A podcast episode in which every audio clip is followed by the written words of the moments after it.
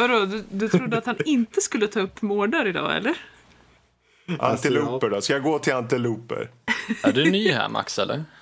Nu ska jag förklara för dig Karl att mårddjur är en familj av jämförelsevis små rovdjur med en ofta lite krökt rygg som ger dem en rullande gång. Nästan alla mårddjur har en ljusgul fläck i pälsen, den så kallade mårdfläcken. Vilket ofta sitter på magen och har många eh, stinkkörtlar vid... Nej, inte det tänker jag fan inte läsa.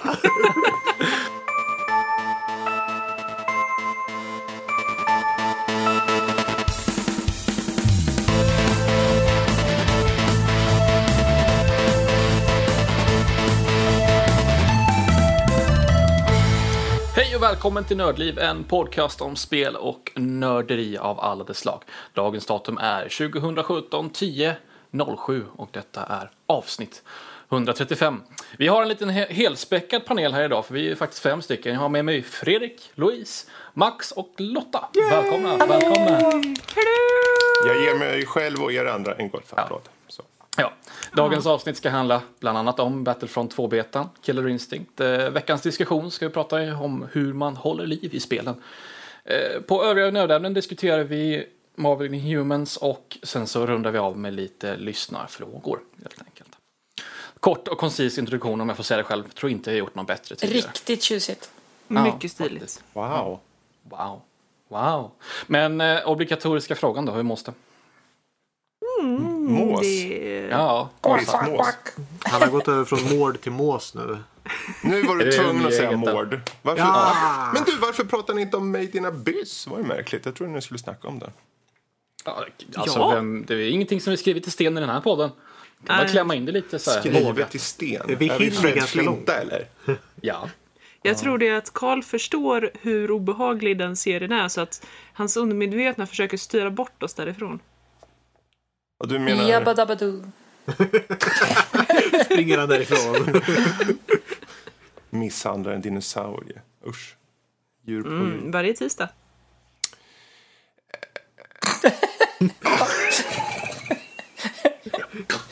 Och det för ju mig faktiskt Alltså- osökt in på spel. Det stämmer jag. ju i och för sig med tanke på att du övningskör just nu varje tisdag. Så att tekniskt sett så ja, misshandlar du dinosaurier. Ja. ja. Eh. Would I lie?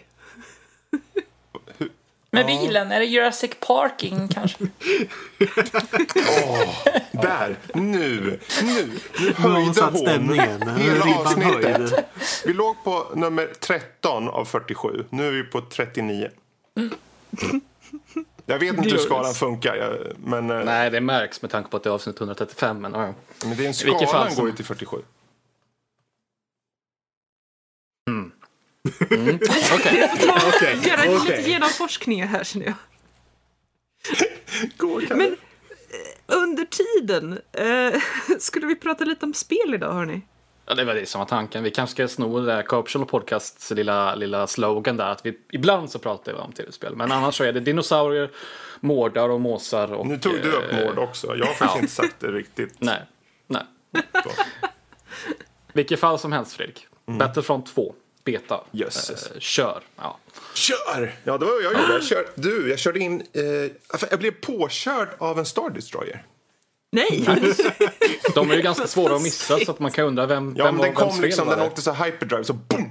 Bara kom den fram. Så, Ja. jag bara... Vadå, respekterar ni inte väjningsplikten eller? Ja, Nej, det är jag har bl- blinkersen på. Ser de inte? högerregel eller väl i rymden också antar jag. Eller? Högerregel i rymden. Ja. Ja. Jag vet inte riktigt vad, vad, vad- man håller sig till där. Är det så här högerregel? Är det typ uppåt och åt höger? Jag tänker på att det är tredje rymd. Nu ska vi inte Tredje komplicera saker och ting här Max, Mm. utan något. Battlefront. Ja. Men Vad du blev rammad av en destroyer säger du? Ja, men nej. Inte så mycket, bara lite grann. Spelade du första Battlefront Fredrik? Någonting? Ju, eh, Eller? eh, Den här- Första, nu får, nu får säga, EA Battlefront kan vi säga, bara så vi kan. Svar ja. Svar ja. Jag har kört eh, den en del. eh, faktiskt. Det, mest för att den är så jävla... Det är bara liksom, du trycker på en knapp, du är inne i en match och det är bara skjuta allt som rör på sig. Det, det liksom, du, du behöver inte ha hjärna direkt. Och det passar ju bra för mig, så jag bara hoppar in och kör. Eh, Och så även då i tvåan nu på den här betan som är. Det är ju Mm. busenkelt. Jag tycker laddningstiderna har de ökat väldigt bra. Eh, I alla fall var det så... Mm. Förbättrat upplev- antar jag då. Ja, förbättrat. Eh, så upplevde jag det i alla fall. Och det bara Mm. klick, igång med spelet, klick, in i en match. Okej, nu är det något som är fel nästan. Jag tänkte, nu I hoppar sig så är inte, i alla fall de banorna som är med i betan är inte så jättestora Nej. jämfört med, med Kanske de, inte. vissa banor som fanns tillgängliga i första spelet. Så det kan ju ha med den saken att göra. Men med vilket fall som helst, det, det är Mm. fortfarande Battlefront, väldigt eh, stream-alignad upplevelse får man väl kalla det. Du väljer bara en gubbe, hoppa in och sen är det bara springa i, en, i rätt riktning. Hoppas på det bästa ungefär. Jag, jag väntar ju bara på alla såna här übernördar som kommer eh, klättra fram ur sina hålor och bara nej. Ray fanns faktiskt inte med på Naboo för det är faktiskt 30 år innan eller ännu längre och då går det inte. Och Boba Fett, han var ju... 60 Han var, år innan kanske till och med. Boba Fett, han var, var ju inte ens född på när, när, när Bo och så, och så vidare. Ja. Ja. Men det, spelmekanik, du kan ta en hjälte hoppa in i multiplayer-matcherna på eh, Fy fan vad man köttar alltså. Det, kan ju inte, det är ju inte roligt att vara på, eh, på andra änden alltså när någon, någon mm. plockar in och tar en hjälte. Speciellt Darth Maul på Naboo-banan som är dessa jävla tajta korridorer och det är helt... Det är, man blir ju slarvsyltad bara på en gång. Ja. Eller Ja, det är s- Ja, men det låter ju rymdsylta eller lite vad det är. Ja, nej, jag tycker, eh, jag personligen tycker det känns, det känns streamlinat, det känns snabbt.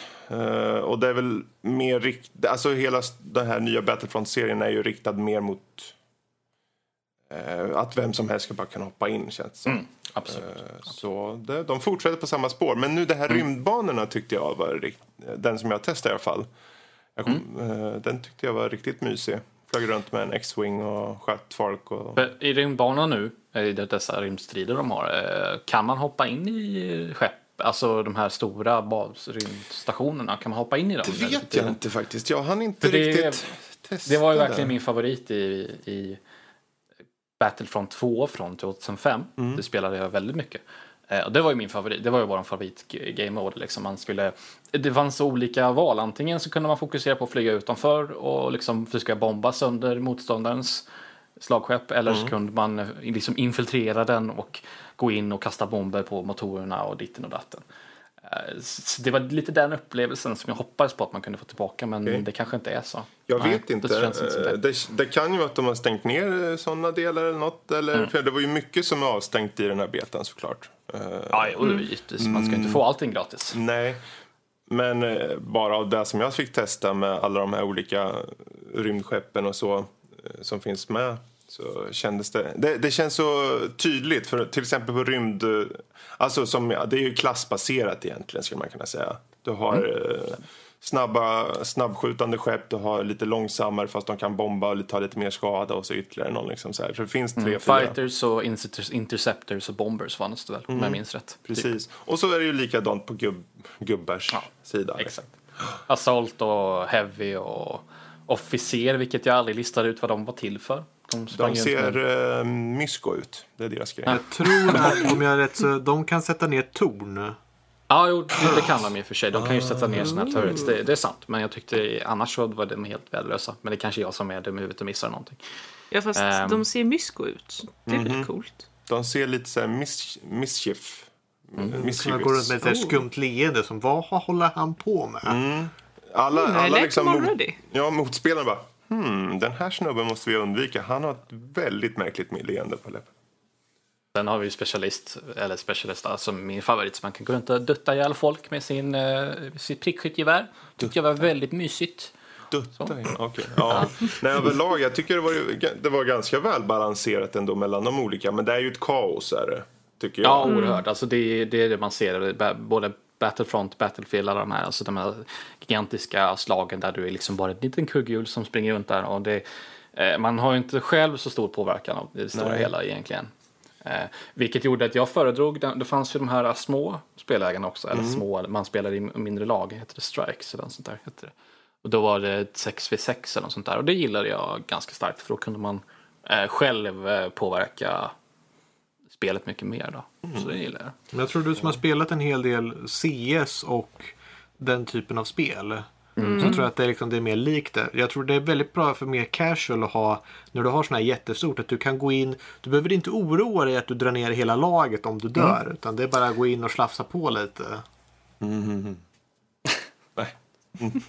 Det är bra att Fredrik har gjort en, det är liksom ett, ett verb. Att slafsa är... eh, Ja, men det är ju mysigt. Det vet Ja. jag. Ja. Kött versus så vidare. Ja.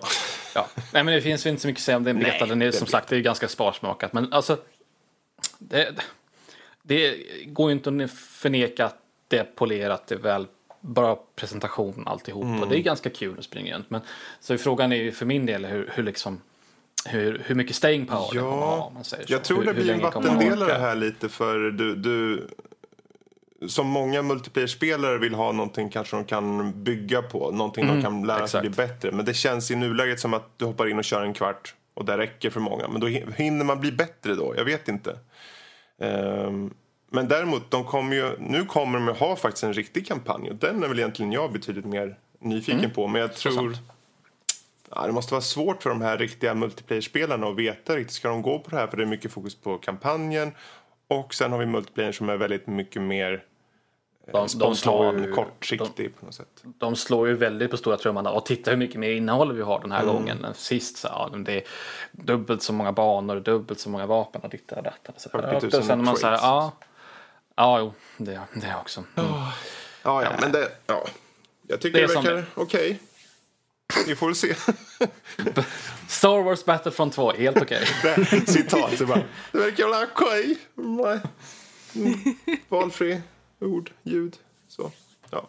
Gå Från vidare ett nu. spel till ett annat nu. Max, Killer Instinct på Steam. Äntligen, eller? Ja, faktiskt. Det är läskigt hur, hur bunden man är till Steam. Alltså, jag har ju även, det har ju funnits tidigare nu till Xbox och eh, Windows Store till Playstation 10 då. Eller vad säger jag? Windows. Playstation 10. Windows 10. Windows 10. Ja. eh, Välkommen till eh, 2071. yes. eh, men som sagt, och även fast jag har köpt en Windows 10-dator och har varit intresserad av det här spelet tidigare så har jag inte ens klickat på Windows Store än. Det är nästan mer av eh, eh, av princip snart. Att så här, nej, nej, det vill jag inte in på. Håller till Steam allihopa, åtminstone. Eh, som sagt. Bygga kidsen. Ja. ja, det vet ju. Fredrik. Ja, det vet jag. Ja. Eh, Men som sagt, då har nu kommit ut på Steam och lite begränsningar. Men också som sagt, de har ju tagit med det har ju funnits ute ett par år nu säkert måste det ha varit i alla fall. Och det har ju gått olika säsonger och det har släppts karaktärer och vi på Steam då får ju helhetspaketet. Mm, precis, jag sitter och tittar på Steam-sidan och, och just nu hel eh, pris kostar det 37 euro. Ja.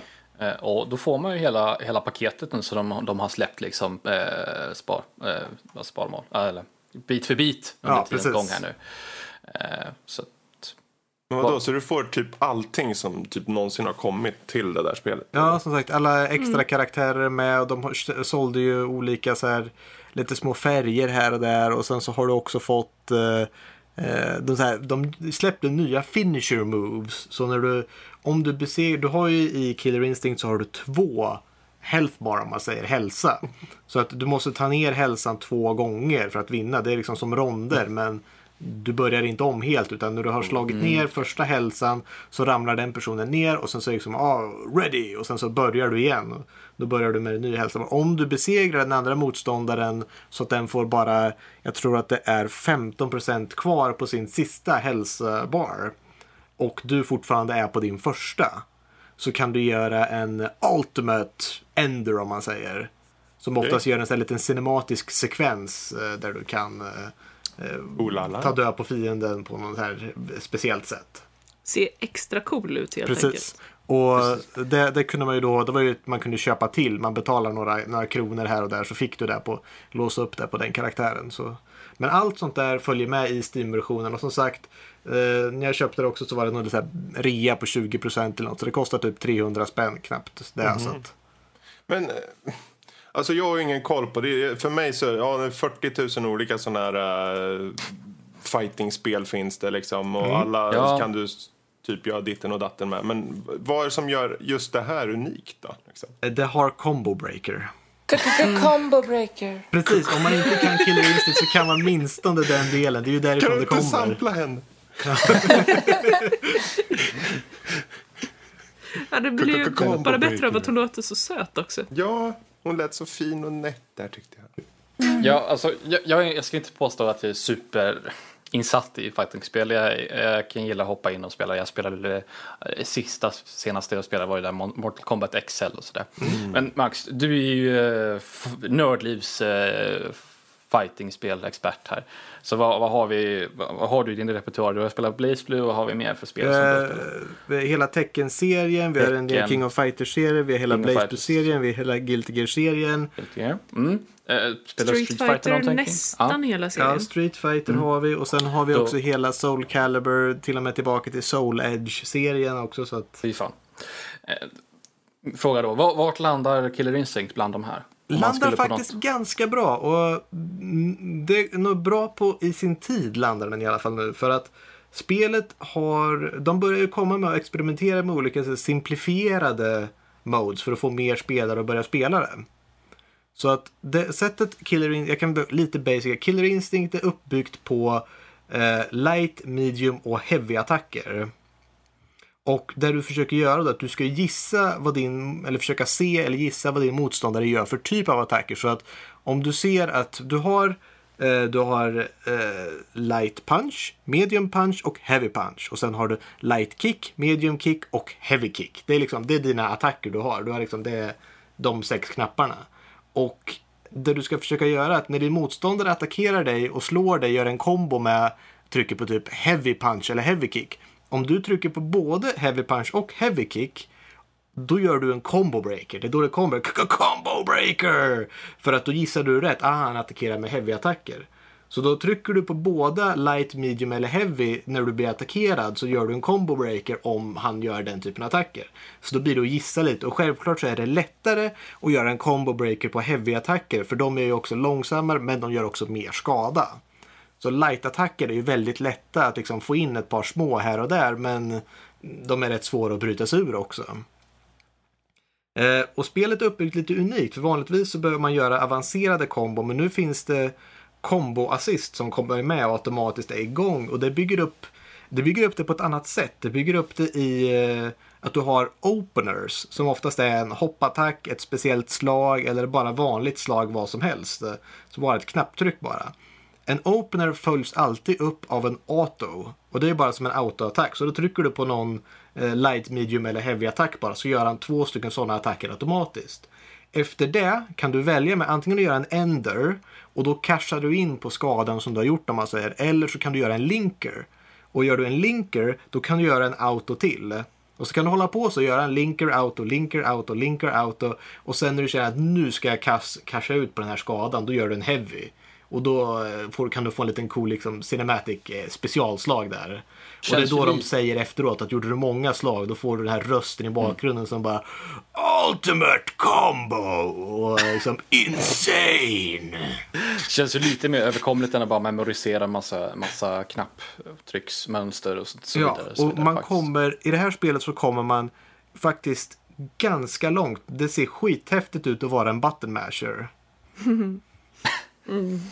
Så att det, det gör de faktiskt bra, men det finns liksom så här, om man bara trycker på knappar så kommer man automatiskt att registrera opener, eh, auto och eh, linker, auto, linker, auto och sen så är det slut där. Om du bara lär dig att trycka på heavy punch och framåt eller eh, heavy kick och framåt som är default ender för alla karaktärer så får du liksom casha ut på den skalan. För du har också en kombomätare som du bygger upp. Så att du kan bara göra ett visst antal slag innan den liksom maxas ut. Och då ramlar personen ner om, liksom, om du kommer upp i högsta den. Och då får du inte du får inte full skada för att du bygger upp en potentiell skada som du bara får ut när du gör en ender.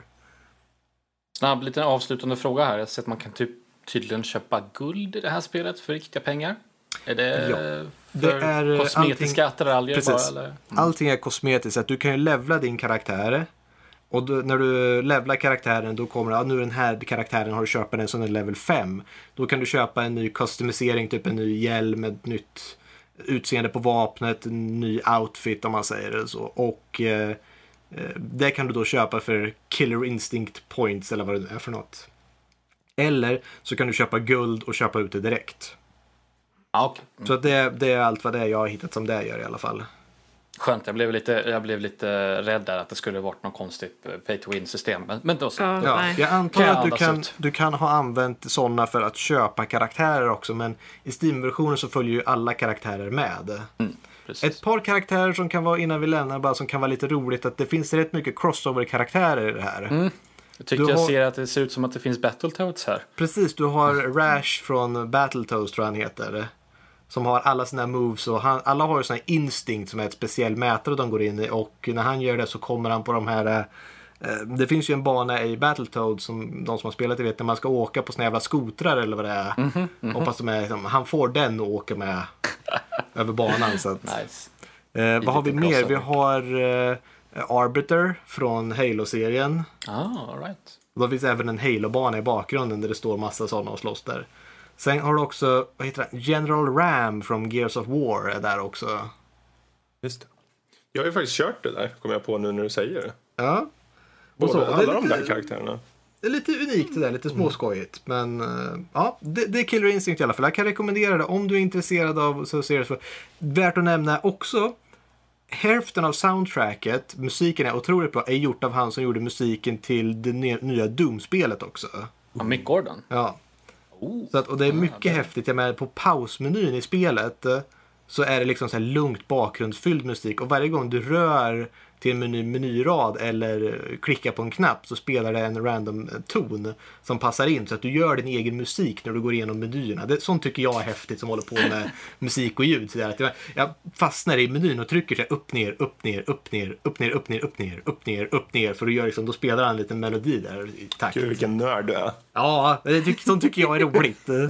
Man kan trycka upp, upp, ner, ner, vänster, höger, vänster, höger, B och start och så får man 30 extra liv. Nej. Då får du se, vart fan är jag nu i menyn? Ja. Men du jag har en fråga angående Ja. karaktärerna. Man kan inte spela som mårddjur. Nej. Du kan spela som ett eh, japanskt The Grudge-spöke. oh. Eh, men eh, tyvärr inga Vänta, hur, hur mårddjur. gick det från mord till ett spöke? Jag tycker det är en cool karaktär och det är den jag spelar mest. Jag tänkte att man kanske skulle spela som Wolverine. Han är ju faktiskt ett mårddjur. Jo, det har Ja, det inte. var Det finns väl, jag tänkte säga att han kanske finns i det nya Marvel vs Capcom-spelet men de har inga X-Men där och har fått jäkligt mycket skit för det. Men eh, Har de inga X-Men? nej, Ja, de plockade bort alla. Ja, fast alltså eh, stenbumlingen man kan spela som en Killer Instinct, han är ju ganska gullig också. Är stenbumlingen gullig? Ja, det är en, en stor stenbumling som kan plocka på sig en massa stenar för att få mera armor. Det är jättegulligt. Eh, jag vet inte hur du definierar gulligt, men okej. Fine. Finns upp, öppet för egen tolkning Ja. överallt. Ja. Jag säger som kidsen, det låter tvärnice. Oj. Yes. Ja, ja, ja, jag vill tacka för min tid och Killer Instinct. eh, Det podcasten. sätter vi en fin punkt Du är för... så eh, down with the kids, Fredrik. I truly am. Wiggity wham. Där kom den Jag ska inte säga något mer nu, jag lovar. Ja. Vi kan ju tweeta till Fredrik. Han finns ju på Twitter för han är så inne med kidsen. Så att vi kan ju tweeta till honom och berätta för honom hur inne med kidsen han faktiskt är. Kom gärna med nya ord. Jag vill ha nya härliga ord som eh, de här riktigt uh, unga, Som han sa unga, för unga eh, kidsen fyra år sedan. Man-. Ja, din baron. hård går vidare nu. Ja, då så. Det för oss in på veckans diskussion där och då var det som sagt eh, hålla liv i spel. Hur eh, hålls spelen vid liv? Hur många utvecklare, spelförlag gör det på riktigt? Vilka utvecklare och, eh, anser vi är bäst på att hålla liv i sina spel? Mm. En fråga. Blizzard är jävligt bra. Blizzard är väldigt bra. Det blir Du tänker på okej. Diablo då, eller kanske? Diablo bland annat. Men Mm. det är egentligen överlag av alla sina spel tycker jag. De har en bra kom- kontakt med sitt community. Mm. De lyssnar, de tar in och så fixar de allt från befintliga spel till till och med spel som är snart 20 år gamla. Jag menar Diablo Ja, 2. bara att de gör en re-release på Star- Starcraft 1 liksom, så man kan Ja. köra dem på moderna datorer. Det är ju... Ja, och de gav ju den gratis nu, Starcraft Mm. också. Exakt, exakt. Square Enix är också fruktansvärt duktiga på att eh, hålla liv i sina spel. Tänkte du på deras, eh, vilka, vilka hade något speciellt i åtanke? Jag tänkte väl främst på Final Fantasy-serien. Alltså, Så du tänker på MMO eller? Ja, men också de kommer ju med mm, olika... Ja, i och för sig, de, de, det, alltså det är ju lite där, vart kommer re-releases in? eh, Liksom, Ja. Tänker vi, håller vi upp liksom gamla spelen med patcher eller re-release? Är det någon skillnad däremellan? Är det så att de försöker liksom, som Starcraft, att de ger ut det gratis? Det är ju liksom, då är det ju lugnt. Men jag tänker om man, eh, om man släpper spel, ja men det här, vi har inte gjort något jättebra hit på länge. Men vi re-releasar den här gamla klassikern eh, igen bara eh, med minimum arbete och tjäna pengar på den. Mm. Som, vad är det att hålla vid liv eller är det att försöka liksom tjäna in en spänn? Alltså, why not both? Ehm, För men att göra, att göra en re-release, se till att det funkar på modern hårdvara. Eh, Speciellt när det kommer till konsol som inte har ja, som någon form av automatisk bakåtkompatibilitet. Då. Det Precis. gäller ju också för, för, för datorer också. Ju, ju nyare operativsystemen blir och ju, ju äldre de där operativsystemen blir som de fungerade från första början. Men just på konsol så handlar det kan man ju vara lite, lite cynisk och tycka att ja, men det här är ju bara eh, för att tjäna in pengar på någonting som de redan har utvecklat. Men det kan ju också vara för att låta en eh, ny generation eller vad som Precis. helst få spela det. Det var intressant för det, eh, om jag hoppar in här. Men eh, jag körde ju det här Crash Bandicoot-trilogin. Ja. Och jag tänker, då tänk, det, visst det är väl bra om de håller liv i den på sätt och vis. Den håller den relevant. Å andra sidan, det blev lite relevant i och med Uncharted 4. Den hade ett litet segment där man kunde köra eh, Crash. Men eh, då märker man ju också hur förlegat det är också. Det, kan, det finns ju en risk med det också. Så är det ju. Absolut. Man kanske, jag menar, att hålla liv i spelen eller snackar vi hålla liv i brandet? Ibland kan det ju skilja. För du kan ju, visst, du kan re- re-releasa spel men tidens tand har kanske gjort sitt ibland. Eller så är folk bara gått vidare i utvecklingen. Vissa spel liksom var barn av sin tid kanske. Liksom. eh. Sätt, sätt någon av kidsen på valfritt spel från åt- 97 och många kanske, nej, det här var inte bra. Bara för att spelmekaniken är så, eh, ja, inte lika utvecklad som det kanske är idag. Li, lika streamlinad. Jag tänker, eh, jag som eh, Nintendo-nörd främst då, liksom, jag har kanske inte lika stor erfarenhet av sådana här påbyggnader och sånt, men Nintendo har ju börjat med det lite också nu. Till exempel eh, på Wii U så kom ju Mario Kart 8 och det kommer ju fler banor att ladda ner till det senare och som nu då Breath of the, Breath of the Wild kommer ju DLC till exempel. Så att det är ju på gång saker även där och det tycker Ja, jag ju är verkligen. väldigt roligt. Ja, och det känns ju som att... eh, För många gånger så har ju många sagt att ja, men Nintendo de, tänk, de tänker på sitt eget sätt och de kommer aldrig liksom eh, följa med strömmen på det sättet. Och inte, inte för att det betyder att följa med strömmen är, eh, är samma sak som att ja, vi ska släppa DLC eller hålla liv i våra spel. Men det känns ändå som att de i de här typerna av spel faktiskt vill hålla liv i dem. Som De kunde lika gärna egentligen ha släppt Breath of the Wild eh, bara som det är. Och sen bara gått vidare egentligen. För det är ju inte som att du inte får lite speltimmar bara där. Men Nej. de håller liv i det ändå. Jag Alltså, det, Jag vet ju att det finns en del kritiska röster som tycker då att, eh, att all sån här DLC som kommer sen kunde de lika gärna med, fått med från början om man säger så. Men eh, jag ser inte negativt på det så. Jag tycker det är jättekul om ett favoritspel liksom får lite nytt senare och liksom Precis. Jag tror där, den, den saken utgår lite ifrån också i vilket, eh, när satte de planeringen av DLC? För många gånger så här, på PC eller konsoler och så kan det vara, ja men du får med i förhandsbokare så får du med ett skin, och en gubbe och sen så får du med ett par vapen. Och då vet man ju att det där har de ju gjort i förväg. Det där kan de släppa liksom utan problem gratis. Men det här som är på, på Breath of the Wild, det är ju nästan genuina expansioner, eller? Är det inte det? Alltså det är ju stora, eh, st- mycket stora av det. pack. Så att ja, säga. jo, det som är störst är väl att eh, det kom master mode, liksom det svårare Mm. läget. Sen var det ju mycket eh, kläder och sånt. Det hade de ju säkert kunnat haft med från början. Men till exempel Mario Kart 8 till eh, Wii U, där kom det ju liksom helt nya banor och Mm. turneringar och det var ju det var ju verkligen jättebra DLC. Mm. Jag tror, eh, för min del så hänger det mycket på också vad de tar för. För om, om de säger, Ja. om nu släpper de, säg att de släpper en ny bana till Mario Kart och den kostar eh, 300 spänn, då tycker jag då är det för dyrt. Men om de kostar en 50 spänn, fine. Till exempel. Ja, jag vill minnas att det var väldigt billigt för så många nya Mm. banor som man fick. För då, då är det ju bara, då är det ju verkligen superbra tycker jag. Ja men absolut. Och också om det är en, en så att du har en enorm berättelse du vill berätta i ett eh, RPG av något slag. Att släppa hela den klumpen på en gång, då kanske spelet känns lite för Alltså nästan towering. Det, det känns det eh, lite otäckt att försöka ta sig igenom allt på en gång. Och då kanske det kan gynna berättelsen. Att släppa det lite i ja, men, eh, kapitel eller expansioner eller så. Precis. Om inte annat, jag menar se på Witcher 3 eller på Dragon Age Inquisition där det släpps Precis. i efterhand. Liksom. Då, då, du har lite valet också där. För jag vet som min del, jag körde Witcher 3 och när jag började, när jag, innan jag började så tänkte jag ja men det här bara grundspelet kommer ta. Jag, kommer inte, jag köpte bara grundspelet. För jag visste ju att det skulle vara mycket timmar.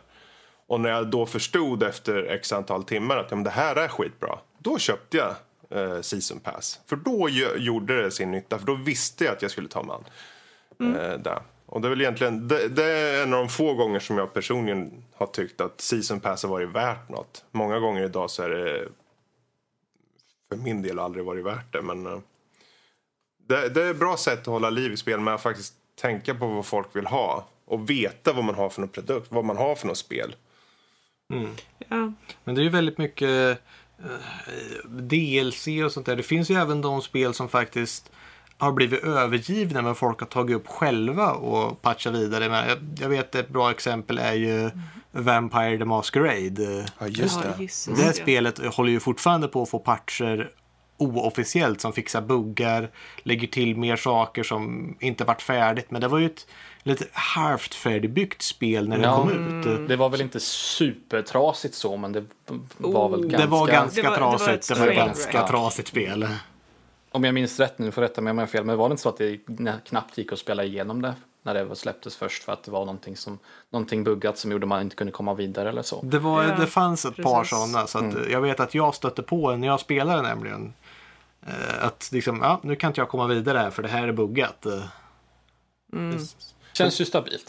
Men det är ju Ja. jättekul att bara vanligt folk så att säga håller liv i ett spel. Ja, Utvecklarna ja. har ju gått vidare. Jag vet inte ens om de Ja, ja. finns kvar. De är Nej, de finns inte i den studion. Det är ju inte Men- så... Det är inte så ovanligt heller egentligen. Det är därför moddar kan vara så viktiga. Till Ja. spel. Jag tänker på Left 4 Dead 2 till exempel. Ja, Enormt precis. Det finns ju med, med Steam Workshop på det. Du kan ju få ett helt jäkla galet spel av... eh, Ja, det vill du inte veta vad man kan modda i det där. behöver inte bara vara zombies som springer runt och man skjuter på. Utan, Nej, det kan bli annat. roligaste ljudeffekten ibland. Det blir jag nyfiken. också, vad, vad hade Minecraft varit om inte för alla moddare? Det är också alla sådana här multiplayer-lägen som folk har utvecklat och, Ja. och mod, alltså eh, survival mods och vad det nu må vara. Och, ja, ehm, bara allmänt texture packs. Det vet ju jag satt och pillade med texture packs i Ja, just det. Det var ju stort. Det gav de ju in sen som en officiell funktion i spelet sen som man kunde ladda in. Förut så det började ju som en mod där och sen så jag tror att mycket i det här spelet har varit moddar som har tagits in till riktiga spelet också. Absolut. Mm. Absolut. Och många också som har suttit och gjort moddar har ju sen blivit anställda. Och, Ja, just det, ja. och fått gå in och faktiskt försöka städa upp i den här hiskeligt trassliga koden. Ja, för spinna vidare på det här med, med moddar och sånt också så jag kommer att tänka på Battlefield 2 då. Eh, och sen så modden som kom till det som heter Project Reality. Eh, det var en sån där realism-mod och sånt där. Och den lever ju vidare idag i form av ett nytt spel som heter, som jag pratat om innan, som heter Squad. Eh, de gick ju, de utvecklarna hoppade ifrån modden och gjorde ett eget, ja, bara startade och gjorde ett nytt spel och det har vi idag. Och det heter Squad. Så att Eh, där handlar det ju mångt och mycket. Det, ja, speciellt, det, det ser man ju mycket med så här source eh, mod-spel och sånt där. Som använder source-motorn som grund. Den är så himla vänlig. Eh, och, och jobba sånt med. Där, där det skapas nya spel och de vidareutvecklar. Först kanske det är en Half-Life conversion mod. Där du liksom eh, lägger, gör om hela spelet. Men sen kanske det springer vidare som en ett helt eget standalone-spel. Det är ju också väldigt imponerande av communityn och, och fixa sådana grejer själv. Ett annat sätt som de håller liv i spelen det är ju turneringar till exempel. Ja, definitivt. Jag det är menar, ju speciellt Smash. Melee till GameCube. Det, jag tror att de spelar ju ma- just ja. massa turneringar idag fortfarande liksom. Ja. Wow, jaha. Det är väl det genom tidernas populäraste Smash-spelet, det till GameCube. Precis. Ja. Eh, liten men väldigt gedigen grupp människor där som, som spelar Milo fortfarande. Så nu är det inte, det är inte gigantisk e-sport som kanske CS och sånt där men just, just att det är, det, är sånt, det gamla eh, Melee gör det ju lite mer imponerande att folk fortfarande hänger kvar vid det och fortfarande liksom tävlar i det och så. Och så. Men f- finns det några spelutvecklare eller, eller spelförlag som verkligen är dåliga då? Som att hålla liv i spel? Finns det några som är så, här, som är så uppenbart giriga eller bara inte bryr sig? Släpper spelet och sen går vidare eller? Activision. Och Ja, EA. jag tänkte precis säga typ EA eller Activision och så, med de som släpper nya spel hela tiden. Men jag tänker Fifa-spelen, det vet jag inte hur mycket de håller eh, support på dem tidigare när de vill Det släppa ut ett behöver de inte riktigt kanske. Nej, precis. Nej, de släpper ju bara nytt spel varenda år. Med Ja. både det kan ju vara ett sätt att hålla det till liv. Men... Ja, Ja, det är frågan. Håller du spelet vid liv eller dödar du det varje år? Ja, Det, det är väl en filosofisk Ja. diskussion på en helt annan filosofiska nivå. frågan med. Ja. Eh, och sen också att um, EA de dödade ju servrarna till Bad Company 2 för inte, så- inte så jättelänge det. sedan till exempel. Um, Och då är det så här, ja, men, ja, det, det skrev jag ju faktiskt om i min Battlefield 1 eh, recension på sidan om att de tillåter inte tredjepartsservrar. Och Då tänkte man, ja men vad händer 20 år senare? EA kanske inte ser någon finansiell eh, gynning i att driva sina servrar. Ja, men låt, låt community fixa det då i så fall. Det, Ja, speciellt precis. Battlefield har ju alltid levt på community-servrar. Alltså så. Eh, så Ja, de kanske vill ha allting hos sig själv i början, sköta sina matchmaking-grejer eller vad de nu har. Men om de väl ska ta ner det, gör den lilla tiden och låt folk lägga ut sina dedicated egna servrar. Det tycker jag är liksom rätt sätt. att Vi tycker inte att det är värt det längre att hålla kostnaden för servrarna. Eh, Så om ni vill göra det nu så får ni göra det. Det tycker jag är det, det tycker jag är rätt sätt att göra det på. För det lär inte vara... Det skiljer sig självklart från spel till spel hur nätverkskoden liksom, koden är implementerad och så.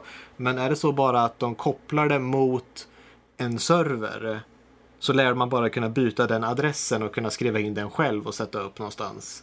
Ja, att du bara har en, en, en serverbrowser helt enkelt. Alltså det har funkat fint för Battlefield 3 och 4 funkar det ju fint. Ja, Varför skulle det inte funka för Battlefield 1 liksom? Men det väl känns där, som ja. Ja, Det, det känns lite som att nyckeln för att faktiskt hålla liv i ett spel på, på ett ekonomiskt hållbart och, och uppskattat sätt, det är att ha en god kontakt med sitt community oavsett vad det är för typ av spel. Att, eh, om, det, om det så må vara mod-communityt och, och få igång massa moddar och, och få in det till spelet och liksom bära vidare därifrån. Eh, eller om det är servrar och, och sådana grejer och kunna få det eh, mer ekonomiskt hållbart på så vis. Problemet är ju att försöka kunna hålla ett spel vid liv kostar ju pengar och en personal oftast. Ja. Och det är lite längre, eh, om man, om man är precis på gränsen att man inte tjänar pengar på det så kan man inte lägga in full heller. Liksom. Man behöver en stor liksom, publik och på något sätt så måste man kunna tjäna pengar på för att kunna ge ut nytt material och hålla det vid liv. Eh, Om man inte, ja, undantagen finns ju då tycker jag som Blizzard som gör som det går så bra för och de har så egentligen ganska få spel som de verkligen satsar järnet på. Eh, De kan ju göra så, men jag tänker eh, hur länge ska man hålla på med ett spel innan man får låta det dö själv om man säger.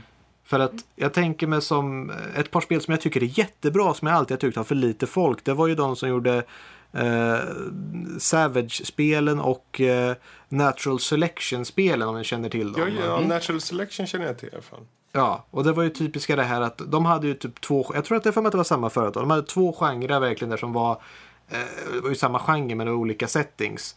Eh, där du hade verkligen, du hade en, ett RTS-spel, du hade en commander som byggde baser. Men alla gubbar som sprang omkring var spelarkontrollerade.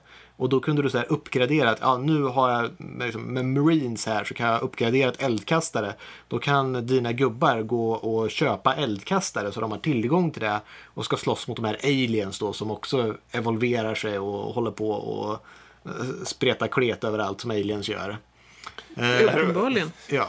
Så de hade ju Okej. den Natural Selection-delen så hade de också Savage då som var eh, mer fantasybaserat. Det var människor mot eh, beasts som man säger.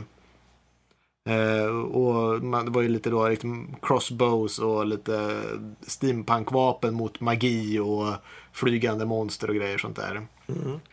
De hade alltid på gränsen för lite. De hade ett litet tight community. Men det var alltid för lite spelare för att kunna hålla... Och eh, utvecklarna ville ju väldigt gärna. Man känns som att de har, de har en bra spelidé. De har bara inte riktigt kommit fram till att kunna släppa den stort. För att man måste vara ganska investerad i ett så här lilla community för att få det där att funka. Och när ska man liksom släpp, sluta liksom och supporta när det inte funkar? Hur länge ska man försöka? För det som med, eh, med Rocket League till exempel. De höll ju på i nästan, vad var det, tio år med sitt jäkla spel innan det väl slog igenom. Precis. Och liksom verkligen försökte och försökte och försökte. Och de visste att de hade ett bra koncept. Men de fick det liksom inte ut till den här stora publiken där det verkligen slog igenom.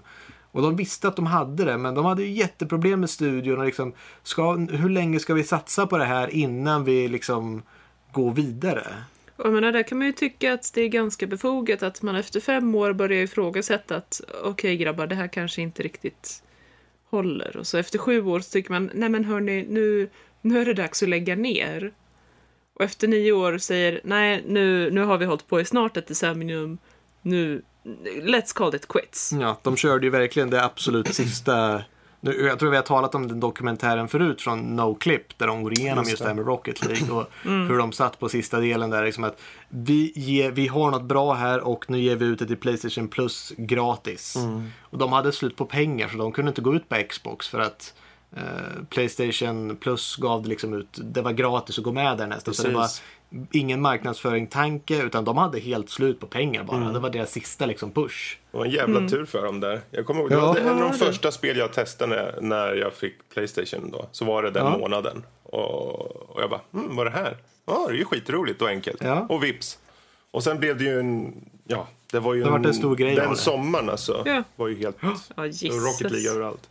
Men jag tänkte annars hur, hur man håller liv i på ett sätt som bara vissa spelförlag kan göra är ju marketing. Eh, Ja.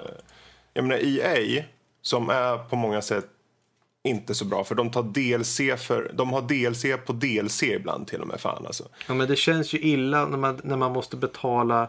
Alltså, jag tycker inte om egentligen mycket av det här season pass grejen som du nämnde tidigare när du provade Witcher och sen så säger ja men det här är klart, det här vill jag stödja season pass på. Men det känns ju lite taskigt när det när som, okej, vi kommer förmodligen göra någonting mer med det här och du kan betala nu för att få liksom liksom, man betalar för content som inte ens finns än som ska göras. Det värsta är om de faktiskt har produkter som inte känns helt slipade heller och Nej, sen tar precis. de Att, ja. nästan 600 spänn för bara ett season pass. Men det jag ville säga var som EA, trots att de är så där som de är så i och med att de har en sån jävla marknadsföringsmaskin som kan hela tiden hålla som Star Wars Battlefront i luften. Eh, de kan verkligen hålla den i folks huvuden. Eh, sen E3 har det varit kontinuerligt lite information hela tiden så det finns levande på något sätt.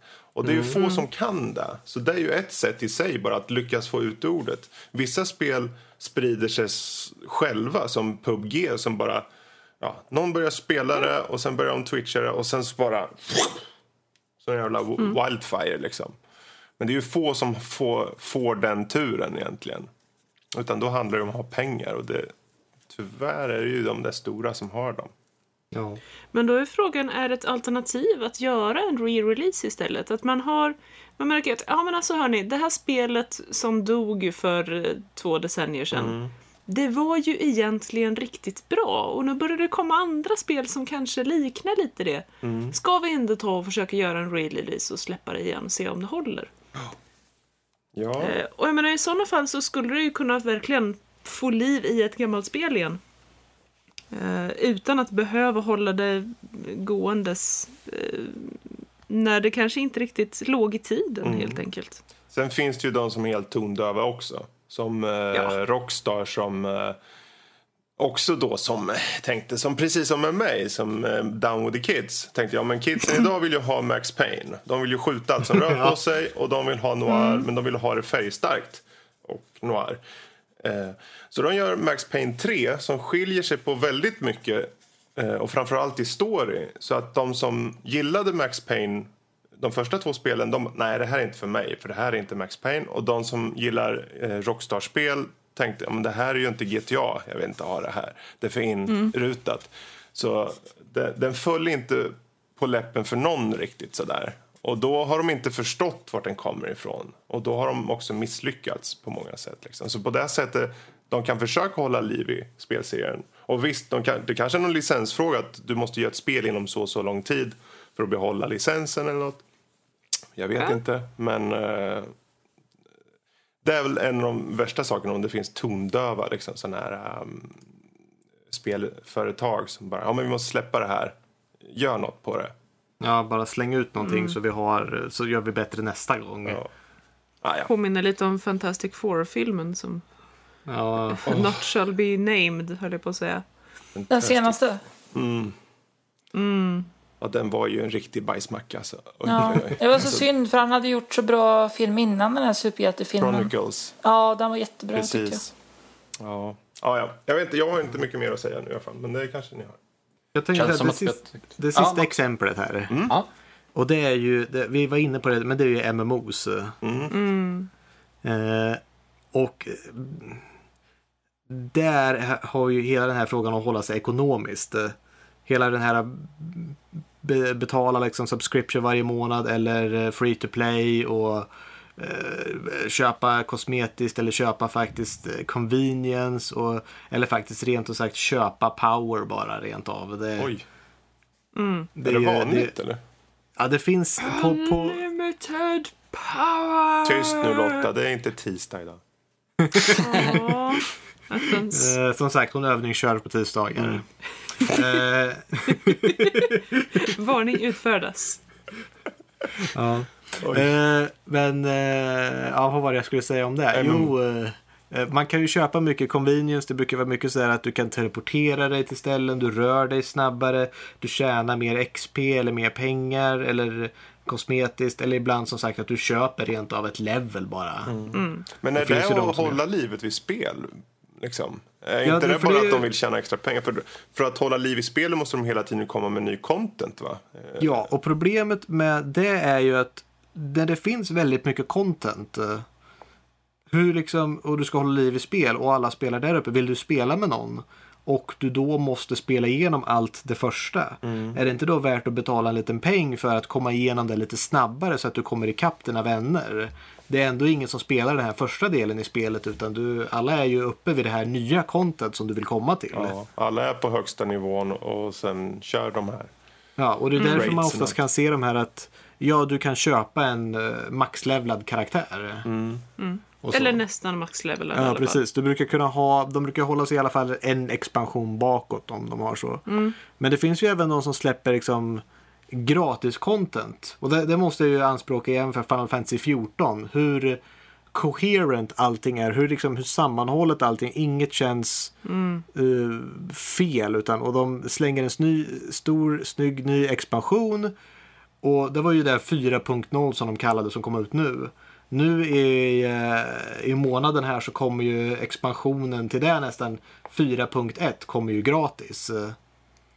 Och det är ju en, ja vad är det, där 12-15 sidor patch notes på Jaha, ja. nya main questet går vidare. De har uppdaterat alla PVP, gjort balanseringar, släpper nya, Nya dungeons. Ja, nya dungeons, nya funktioner. Att du ska kunna Ja. ha en, du kan bygga upp din egen squad med medlemmar och eh, gå på dungeons med dem och, och träna dem och ha med sig. Och du kan skicka ut dem och hämta grejer. Och, Och det här är ju bara en minor patch. Ja, det är en så liten, Square Enix ja. anser inte att de ska betala, ta betalt för det. Så att det är ett sånt spel som de håller vid liv otroligt bra. Men det ligger ju också, det är ju nummer två efter WoW vad jag förstår. Speciellt på betala liksom per månad, en subscription baserat. Jag vet inte hur den ligger. Jag tror de sa nu att de hade 10 miljoner aktiva spelare. Eller aktiva subscriptions var det i alla fall. Och tänk vad betalar man för en sån där typ eh, 100 om vi tar 100 rundar till ner. 120 Om kanske. man betalar 100 i månaden och de har 10 miljoner. Ja, Det är, det, det är ett par kronor. det är nästan 110 miljoner. Det är lite kaffepengar. Ja, i månaden som de får in. Det, det, lär ju, det lär de ju leva rätt bra på. Så de har ju fått De har ju väldigt mycket fritt och kan göra. De går det ju väldigt bra för. Så att de har ju liksom gödit communityn i början och fortsätter göra det nu när de får pengarna. Det går rakt tillbaka in igen dit. Så att, Så att det, det gör de verkligen på ett bra sätt. Och jag menar ärligt talat, man måste ju berömma Blizzard också för WoW. ja, hur länge har inte det spelet funnits? Ja, vad är det? Alltså- 05, 04 eller? När kom 04. det? Nej, 01 är det inte det? Oh, WoW? Nej, Var det inte jag tror 04? Var det 04? Alltså, Släpptes första gången 23 november 2004. Okej, ja, my bad. det är ju 13 år sedan i alla fall. Ja, Ja, eh, en stund sådär. Stund. Ja. flash in the pan, så att säga. Precis. Men det känns som att eh, diskussionen har varit ganska heltäckande i alla fall. Jag kan inte komma på något mer som Nej, borde jag tycker det låter bra, ja. Ja, jag också. Ja, säger vi det. Övriga nördämnen på det då. Och då vill Fredrik prata om någonting som heter Marvel Inhumans. Ja, och Louise har nog också sett den. Så... Precis. Jajamän, såg tredje Eh. avsnittet idag. Ja, du han ser det också. Jag har inte sett det än. Men, Vad, eh, vad är, alltså Marvel de släpper ju serie på serie på serie här. Jag håller, hänger inte med i svängarna. Så vad, vad är det här den här Marvel gången? Inhumans. Det är ju, I Agents of Shield så togs det ju fram att där finns det ju grupper av människor som har en slags gen i sig som betyder att om de genomgår en viss process så får de specialkrafter. Eh, den här genen har sitt ursprung i en typ ras och den rasen lever fortfarande på andra sidan av månen förstår ni. De kallar sig själva Inhumans. Eh, där finns det en kungafamilj som eh, är eh, styrd av en snubbe som heter Black Bolt. Som, eh, ja, han har lite, hans kraft att ju- om man säger något så typ, ja, då kåsar han jävligt mycket destruction. Va? Det är världens sämsta kraft någonsin. Han kan inte ens prata den här kungen. Jag hatar honom. Han kan, han, som, det var en scen som hans fru, var, jag tror hon är fru, Medusa heter hon. De, hon. de står i någon jävla eh, hall någonstans och så tittar hon, han på henne bara och hon bara ja, jag, jag älskar dig med. Och jag bara va? Hur fick hon fram det? För han är inte telepatisk och hon ska inte vara det heller vad jag vet. Eh, Det inte som framgick i de avsnitten jag såg i alla fall. Men eh, om vi säger, eh, vad gäller just plotten då. De är den här familjen eh, med eh, kungafamilj och sen så utförs det en kupp av eh, Black Bolts bror spelad av den här i, Ivan han? Rion. Så heter han ja. Han som spelar onde i Game of Thrones. Han var med i Misfits till exempel. Mm. En mycket bättre serie. Än den här. Eh. Om man vill se superhjältar, typ med honom. Ja, eh, för den här var ju... Du låter ungefär som jag tänker. Jag, alltså det här var ju det här var horribelt. Alltså. Jag, Ja. jag, jag satt och såg på det här och tänkte, vem har skrivit det här? Alltså jag sa Vem hatar, det är ett starkt ord men jag tar tillbaka, jag, jag, liksom, jag, jag tycker, ogillar väldigt mycket då om jag säger så istället. Nej men alltså, Ja, för, precis. Ja, men hata är starkt. Men det, det, Stark de, avsky. det, jag vet inte. Det, det, det är så många olika saker som de gör fel på. och det var väl Bara- ingen som ville ha det här heller. Ville någon ha en, en human-serie? Ingen aning faktiskt. Det, kän, ja, det känns som att någon bara, ja men vi har ju den här licensen, vi måste göra något på det. här." De, och först var det snack att det skulle bli film för några år sedan. Det var ju slatat med de andra filmerna. Men sen så försvann den då. Och sen plötsligt dök det upp igen. Och nu kommer den på ABC. Okej. Och vi ska filma två avsnitt i IMAX. Jaha. Och så ser man de här avsnitten och det är kackigt. Och när de, de blir i den här kuppen då så blir de, de tar sig till jorden och alla hamnar på Hawaii. Okej. Och då förstår Okay. man ju Alltså därför- det är ett trevligt ställe. det är ett jättetrevligt ställe men det är bara att man vet ju, ja men de, det är ju skattelättnader för de som spelar in tv-serier på Hawaii. Det är ju därför. What? Ja men det är ju därför. Det är många, många som gör så. Är, det- Men, är det eh, Hawaii kanske för att det här är- kan det vara Marvels 50 tv-serie? Nej det var långsökt men Åh, ska det vara en för varje stat? Eller? Ja, precis. Eh, nej, men, nej men seriöst alltså. Mm. Jag, jag känner nästan mer sympati för han. Eller blir, det spoilers nu? Hur mycket Ja, spoilers kör kan det bli på två, jag, tre tänker, avsnitt? sä- jag säger så här, ni ska inte se det här. Skippa Ja. det. Så nu kan du spoila. Ja. Han som eh, spelar Maximus, då, oh, vilka Mm. namn. Black Bolts brorsa. Han vill ju liksom störta sin eh, kungabror och ta över liksom. Och han, han, han håller jag nästan med på många sätt för att det systemet de håller fast vid det är ju det här liksom kastsystemet typ. Mm. Precis. Och att eh, de som inte har så bra krafter eller inga krafter, de- får skickas till gruvorna liksom. Och, Mm. att- att- jag känner ingen sympati för kungafamiljen. Jag håller Nej. nästan på Maximus istället. Ja, absolut. Det är jättemärkligt för de, de, de porträtterar ju de här som kungen. Han ska ju vara rättrådig och allt det här. Och han ska veta vad som är rätt och allt det där. Men när man tittar, om man tittar bara rent så här på storyn eh, i textform liksom, då ser man okej. uppenbarligen så är det ju fel i det här samhället. Det är ju den här Maximus som har rätt. Det ska inte vara det här. Så, så här ska det inte vara.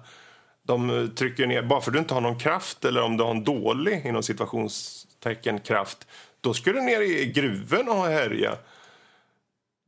Men, men alltså kungariket är styrt av en eh, kvinna som heter Medusa. Jag mean, hur bra kan det bli på en skala? Och en kille som har sönder städer när han säger hej.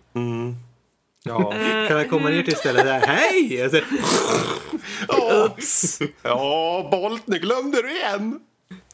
Alltså- Och en annan Ja. sak jag känner det är liksom att det här ska ju då, precis som de andra, eh, deras egna Marvel-tv-serier och filmer ska utspela sig i samma universum, MCU.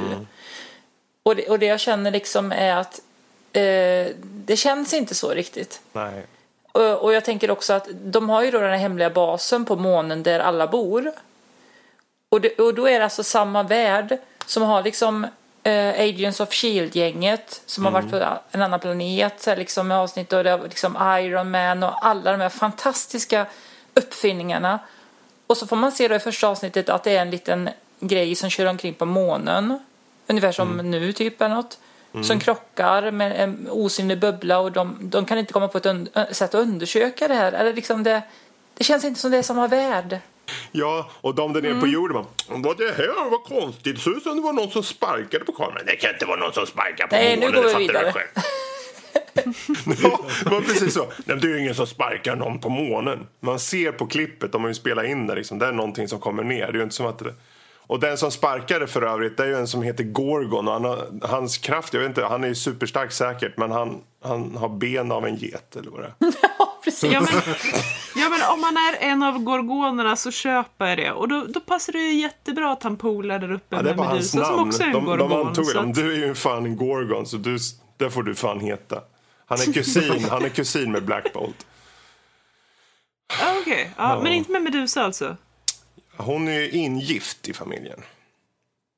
Hon Okej. gifte sig med eh, Black Bolt. Och hon var ju Okej, tidigare jag- också ihop lite grann med Maximus. Så det finns ju någonting mellan bröderna. Vet du. Och Maximus bara, "Åh, det valde honom men jag vet ju att du ville egentligen ha mig.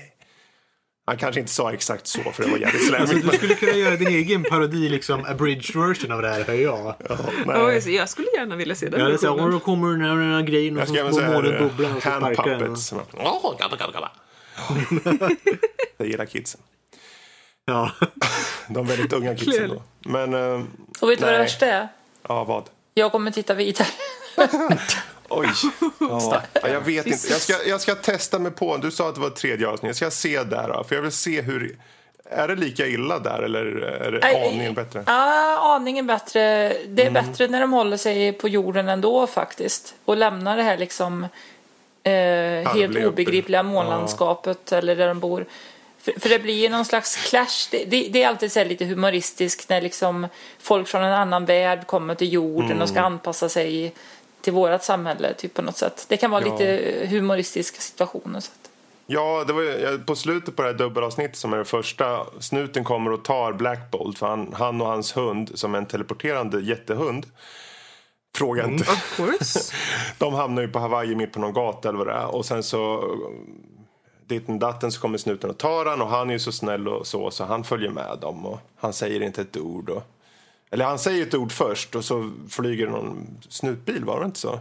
Ja. Ja. Eh, Men han ho- hoppar med och så går han och ställer sig bakom i finkan där och sen är väl det allt, eller? Jag kommer inte ihåg vad som hände efter det. Kanske man får se i nästa avsnitt. Men det kändes bara, ja, mm. Han vet ju att han är stark och vi kommer se att han han kommer ju, det kommer, jag tror om, i sista avsnittet eller något, då kommer han fisa och så kommer fisen spräcka halva jorden eller någonting och sen är det slut på serien. Det vore nästan det bästa. Det, jag tycker att din abridged-version får sluta så. Ja. Det är sanna slutet.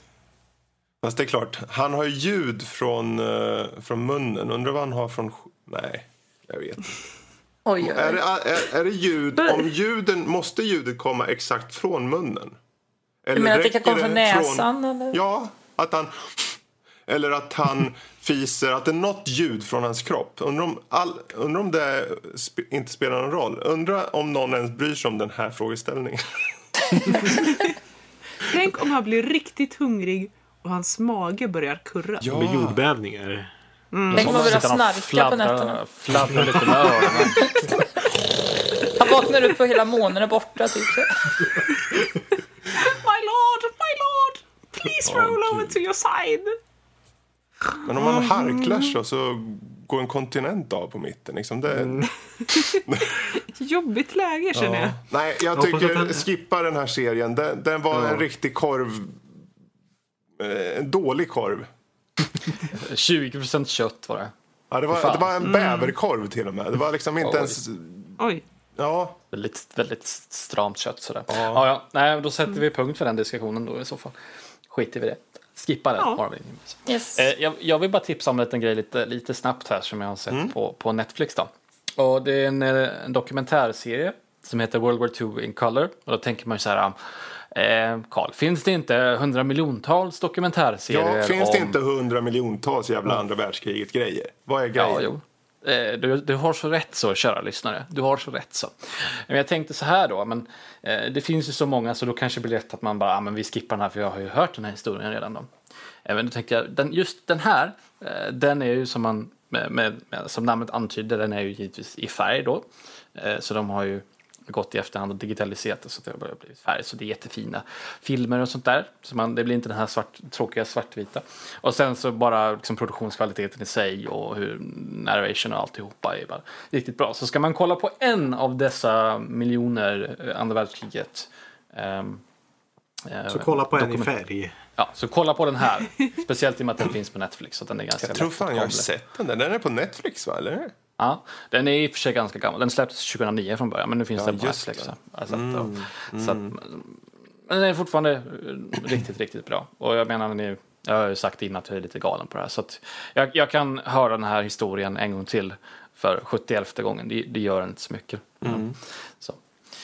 Allt jag ville säga, och om man har något litet intresse där så gå gärna och se den. För de är jättebra, välproducerad. eh, Låter nice, låter nice. Ska vi ta en liten anime-rekommendation också då? Ja, låt höra. Vi kan ju rekommendera du att, eh, jag, vi fick, eh, jag och Lotta har sett tillsammans, vi fick Fredrik att se den också, den här anime-serien nu, Made in Abyss. Och det är, det är kvalitet på den kan jag säga. Den börjar lite puttinuttig och det ser ut som att det är småbarn som springer runt och att det här blir en liten gullig historia. En söt liten slice of life. Eh, sådär. Eh, mysig, mjuk, eh, så. Ja, jag tror att det här är bland det värre jag har sett på länge. Ja. när jag väl kommer till sista avsnitten att det blir, det blir mörkare och mörkare och värre och värre. Det, jag, jag, det finns 13 avsnitt ute nu på den här första säsongen och jag, jag har dragit mig för att se det sista avsnittet för vi såg, jag tror, eh, första avsnittet till 12 avsnittet i sträck. Och sen så väntade vi då på att 13 avsnittet skulle komma ut och när det väl hade kommit ut så sa ju Lotta det att ska vi, ska vi inte se på 13 avsnittet av den här? Och jag kände att nej, jag är inte mentalt förberedd. Jag, jag, jag klarar inte av det nu. Jag måste jobba imorgon. Jag behöver liksom lite tid att förbereda mig så jag klarar av Men den vad, vad är. Den premissen då? Vad är premissen? Premissen är att det finns det här hålet. Stort, stort jäkla hål. 10 kilometer i diameter. Som är, är som det abyss. Och eh, det finns artefakter där.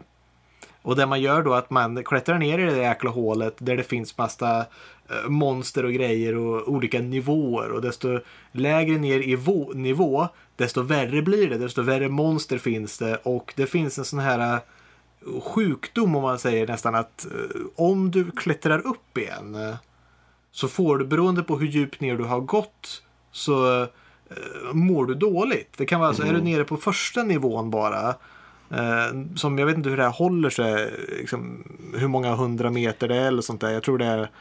Eh, nu kommer jag 200 meter. Ja, något sånt där. Då, då, då är du lite yr. Mm, och du, du kan, du kan också må illa och spy. Må illa och spy och sånt där om du och kommer upp igen. Och svimma om du är riktigt lätt påverkad. Ja. Eh, tills liksom du kommer ner till de riktigt låga nivåerna där du blir helt eh, nästan deformerad och förlorar din mänsklighet är vad de säger. Mm. Mm. Eh, och går du absolut längst ner så dör du. du. Du kan inte komma upp. Och det är det som är lite det här mysteriet med det här. Vad finns längst ner på botten? För går du längst ner så kan du aldrig komma upp igen. Mm. Och det är ett jäkla massa monster och olika terränger att ta sig igenom. Så att de försöker ju skicka upp typ så här varmluftsballonger med meddelanden. Men alla de som har kommit ner dit är ju så psykiskt störda att man kan inte tro på något de skickar upp nästan.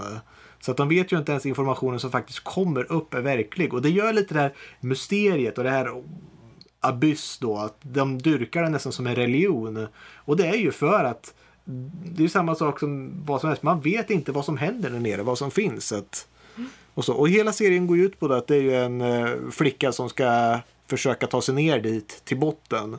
Uh, för att hennes mamma är där. Vad, vad man då, det är det var hon tror jag för. Ja, hon tror mm. det i alla fall och det är osäkert det också. Mm. Ja. För att hennes mamma var en, en eh, riktigt känd person som hon, hon kunde hantera den här eh, the curse of the abyss som det kallas väldigt väl. Så hon kunde ta sig ner ganska djupt och sen upp igen och ta med sig de här skatterna hon hämtade med. Mm. mm. Och eh, så gick hon ner då på vad de kallar deras last dive när hon skulle gå riktigt djupt och visste att hon skulle inte kunna komma tillbaka. Eh, men så skickar de i alla fall tillbaka med ett meddelande upp som, som faktiskt kommer fram. Och eh, hennes dotter då får tag på det här och hon får för sig att hennes mamma väntar på henne där nere. Mm. Mm. Så det är hela historien där att hon tar sig ner och lite med en kamrat där som man får ta reda på sen där. Ja, en liten robot. En liten robot-Nisse. Ja. man titta. Mm. Som också har sina liksom, äh, rötter. Äh, som antingen att han kommer där nerifrån från botten ungefär har tagit sig upp. Som är mysteriet där. Som mm. man ska då följa deras två resor tillbaka ner till mm. the uh, end of the abyss där. Så den kan jag starkt rekommendera. Väldigt uh, väldigt fri från anime-klichéer, ganska mm. originell, jättebra animerad. Mm. Verkligen, man känner alla animationer och budget ligger skitbra upplagd på det. Bra story, bra pacead alltihopa sådär. Eh, börjar puttinuttigt, eh, slutar som bland det hemskare där, jag vet. Där kan jag gå in, för den, när, när jag tittade på bilder tänkte jag, men vad är det här? Det är ju så, alltså hur de mm. animerade. Det var precis det som fick mig att inte börja se på den också ja, först liksom för jag tänkte, slutet. Hmm, de ser, den här och, stilen passar bara inte mig. Men jag såg Känner på jag. den och tänkte, okej, okay, för den, det är ju inte som att de ändrar stilen. De ändrar, det, är ju mm. det är ju det som händer i serien som påverkar. Ja, precis. Uh, så den, uh, stilen är, jag menar, längre ner träffar de på en, en figur som ser väldigt puttinuttig ut med så här kaninöron och grejer. Och dessa, uh, men mm. berättelsen kring den är ju, den karaktären är helt så här hjärtskärande. Um, och dess eh, kompis som den har där nere. Det är helt... Och, eh, ja. Helt... Och alltså jag känner ju snarast att den här puttinuttiga stilen, den, den bara skapar en kontrast mm. till de här fruktansvärda ödena som drabbar karaktärerna. Men gud vad mm. intresserad jag blir nu. Det är precis sånt här som jag brukar vara på jakt efter, de här kontrasterna. Ja, jag vet att uh, det, Men skulle verkligen säga, passa dig. För min del, så den, den föll mig inte så här supermycket på läppen på en gång. Så här. Det tog ett tag. Jag mm. tror det var de sista tre avsnitten som cementerade att jag tyckte att ja, den här var bra. Jag skulle inte säga att den mm. är en av de bästa någonsin eller något sånt där. Men den är klart eh, definitivt sevärd och så. Eh, det som jag tyckte var framförallt intressant med den här var att du har de här två karaktärerna som är en liten flicka som heter Rico. Det är hon som är, har en mamma som är borta och sen hennes robotkompis då.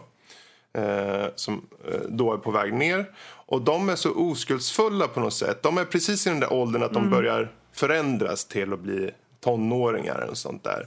Eh, så att det finns hela tiden eh, saker och ting som tas upp som Ja men du, du gillar honom. Vadå gillar? Jag gillar inte eh, personer. Nej, alltså jag hade en jättebra vän.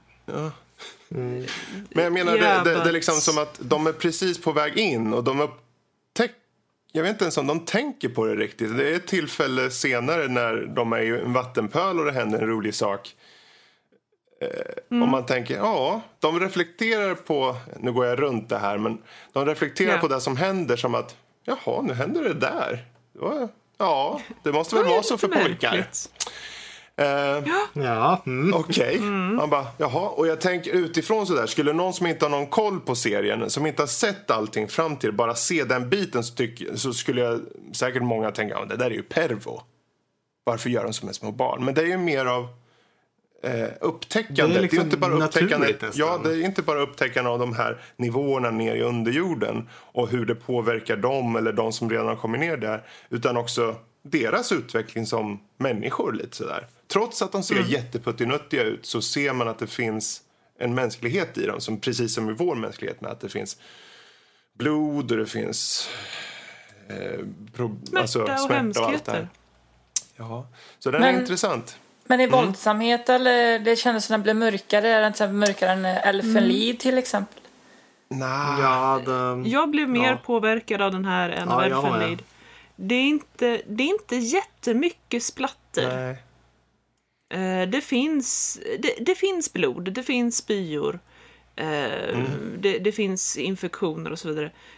Men det, det är liksom inte järnsubstans på väggarna varje avsnitt. men det är mer verkligt jag säger. Det, det är liksom, det, Ja. ja, Ja, det är väl det mest har att mer de... av en effekt. Ja, jag tror de bygger upp karaktärerna så pass att när det väl händer saker med dem så tar det lite mer. Sen att det inte behöver vara gory direkt eh, gör det att ja, det, det tar lika mycket i alla fall så att säga. Eh, men Ja, ja, ja, jag tyckte den var bra. Så, Och det är bara Ja, vi ska 13 inte spoila avsnitt. mer nu, så- Nej. Vill, vill ni se någonting som verkligen griper tag och, och som får er att, att må riktigt dåligt inombords eh, så ta en titt på Made in Abyss helt enkelt. Mm. Mord in abyss. Så ska jag.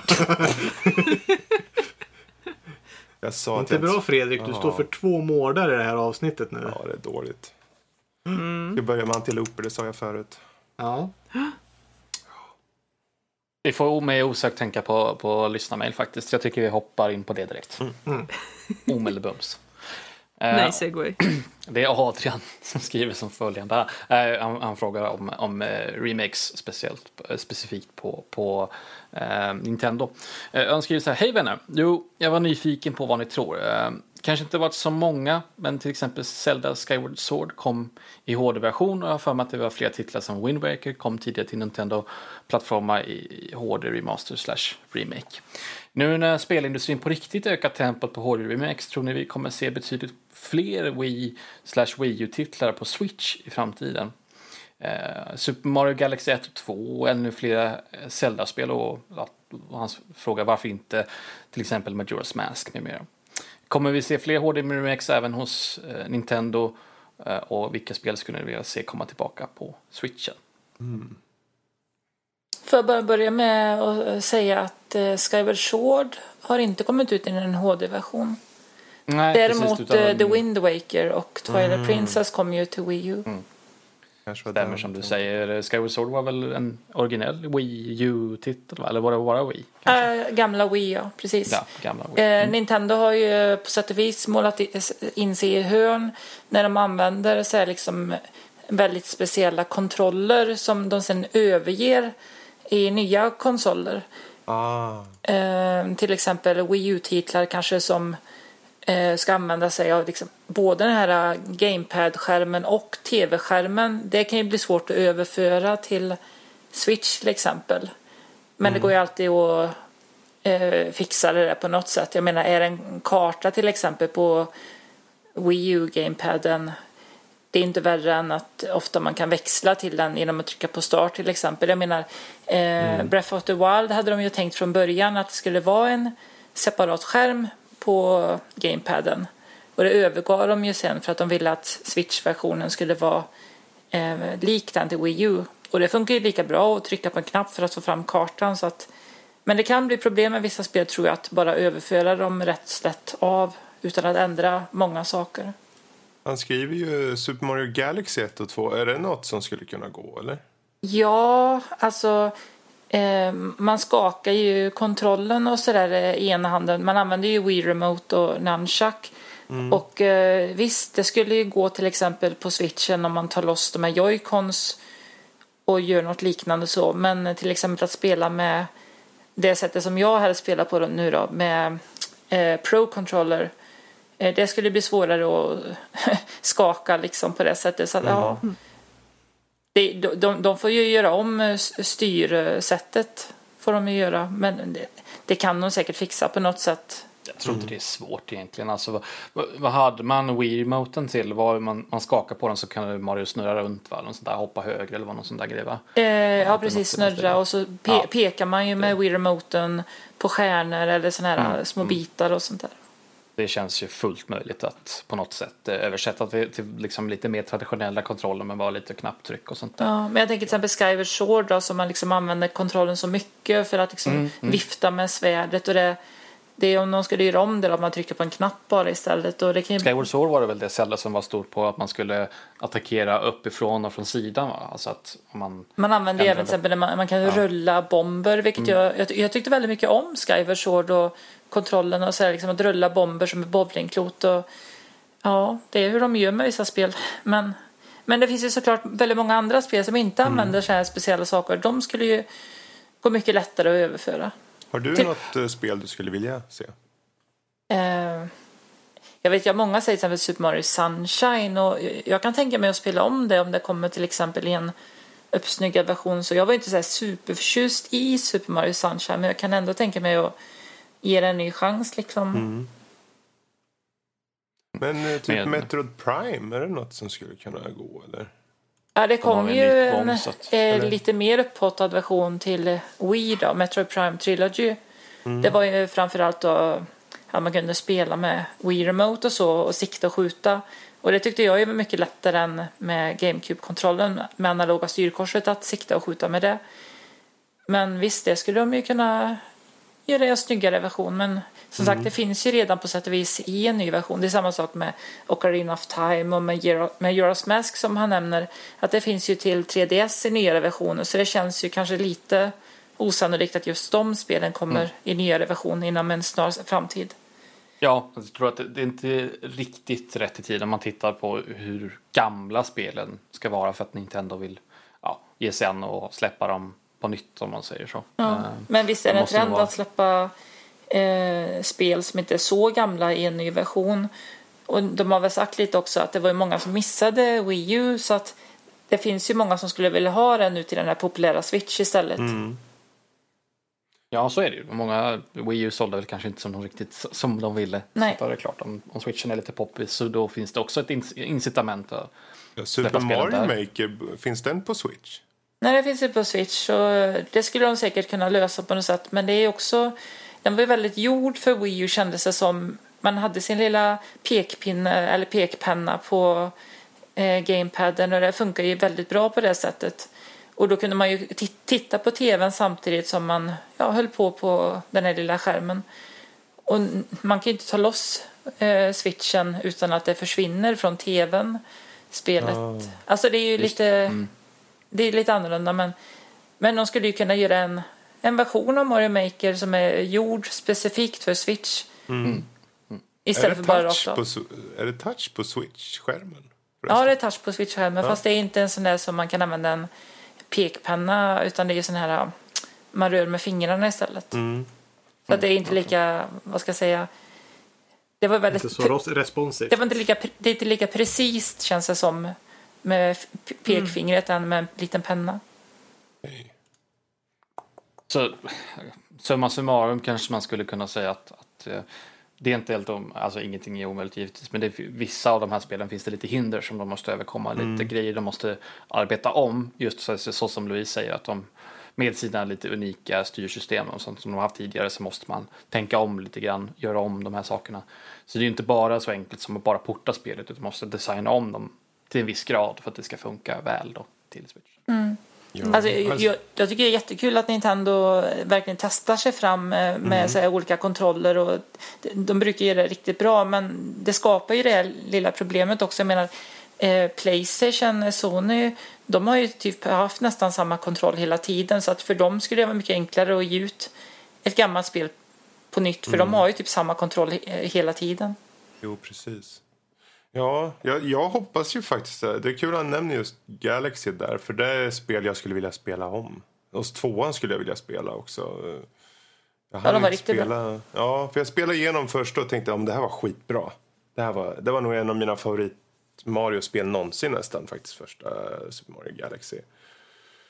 Eh, och sen blev det som det blev, att jag gjorde mig av med Wii eh, då. Så jag hann aldrig spela tvåan. Vilket jag är lite grämt med över. Och mm, tänkte, fan det hade varit nice om den kom till switchen. Men eh, jag vet inte hur de är med just Mario-titlar att släppa. För det, det tar ju lite fo- bort fokus för de eventuella Mario-titlar som de faktiskt har, antar jag.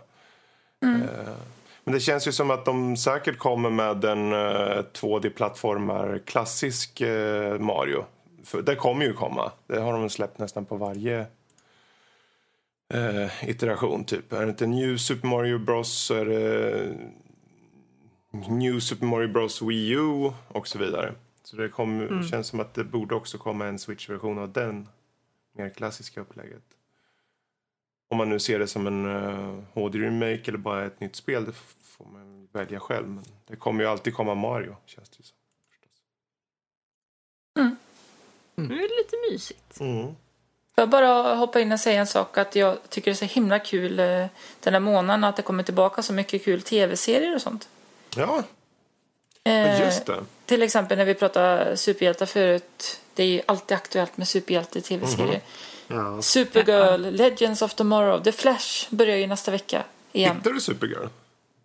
Jag tittar på Supergirl ja. Okej, jag försökte att titta, fan fastnade inte riktigt. Och samma med de här Legends, det var också lite så här. Men Flash tittade jag på. Det är bra. Men jag tittar på det mesta. Det är typ mm. Gotham och Arrow Just tittar jag inte på. Men det är ju en massa serier i oktober. Det är ju Stranger Things, Mr Robot, The Walking Stranger. Dead, Supernatural och The Punisher förhoppningsvis också. Det är ju Ni massor. hör ju det är ju. Är en riktigt mysig höst. Ja, och så fortsätter DuckTales också. Ja, det är så himla bra! Alltså, det ska väl komma avsnitt idag? Ja, just det. Idag, imorgon någonting. Precis. Eh, och Eller Star. Trek Discovery har ju kommit som jag personligen tyckte om. Men eh, vet inte, vilket avsnitt är de där på nu? eh, jag tror det var tredje sist. Det släpps väl Ja, imorgon men- tror jag. Eller något. Ja precis, ja, men då har jag sett alla. Det, just det, Mr Robot, ja. Hmm. Alltså, det är så kul att komma in i oktober, för då händer det verkligen. Visst, det är skönt med sommar också. Eh, och allt det där. Men eh, alla serier bara försvinner. Liksom. Det, visst, det var Game of Thrones okej. i somras som jag kollade på. Men eh, utöver det var det ju ganska tomt. Som det brukar vara under sommaren. Men, eh, ja. Så det blir en fullspäckad månad. Ja. Ja. Men det sitter ju punkt för, för sista kategorin här, för veckans avsnitt helt enkelt. Så att får vi ta och, och runda av och eh, det är väl som vanligt varje vecka. Vi får se att ni, ni får eh, hoppa in och gilla oss och uh, betygsätta oss på iTunes och följa oss på Twitter och, och eh, gå in och läsa våra recensioner på vår hemsida. Nördliv.se till och med. Eh, och sen så nu tappade jag spåret helt och hållet. Vad proffsig jag är alltså, herregud. Det var en sista grej jag ville ta upp. Ja. Eh, om ni vill prata med oss, så var det. Om ni vill eh, komma i kontakt med oss så kan man antingen mejla oss till, eh, på, till oss på info.nordligpodcast.se eller så kan man ta förnamn snabel nordligpodcast.se också om man vill prata med någon specifikt. Så jag till exempel blir det Karl snabla eller då Fredrik till exempel också. Alla hatbrev och sånt skickas ju till Danny i vanlig ordning. Jag undrar om han har börjat få in några än. 20-30 stycken bara. Så. Ja, precis. Ah, Det är han som är hatbrevskorrespondent. helt Ja. Jag, jag kan bara flika in, är det så att ni faktiskt känner att ni, men varför inte snacka med oss? Varför inte hoppa in och snacka med oss? Vi har ju en Discord-server som ligger. Eh, och länk till den, eller länk behövs inte. Ni kan gå in på vår hemsida och så finns det uppe i menyfältet där kommer ni åt en liten undersida. Och där kan ni bara klicka så kommer ni rakt in på vår Discord-server. Så joina och snacka och, och skriv lite tips och allt möjligt där. Det vore jätteroligt. nice. Det var väl allt för den här veckan. Det eller som finns kvar att göra är ju och ja, tacka för oss och säga hej då. Whoop, whoop. Så, Is the sound of the police? Nej, okej. Okej, grabbar. Det är dags att sluta nu. Ja, men Fredrik behöver andas. jag tror man, ska man inte säga så eller? Ja. Whoop, whoop. Säg, säg hej då, Fredrik. Nu. Hej då Fredrik. Hej då Fredrik. Hej då Fredrik. Jag säger också hej då och kom ihåg, klappa ett mårddjur om ni får chansen. Åh,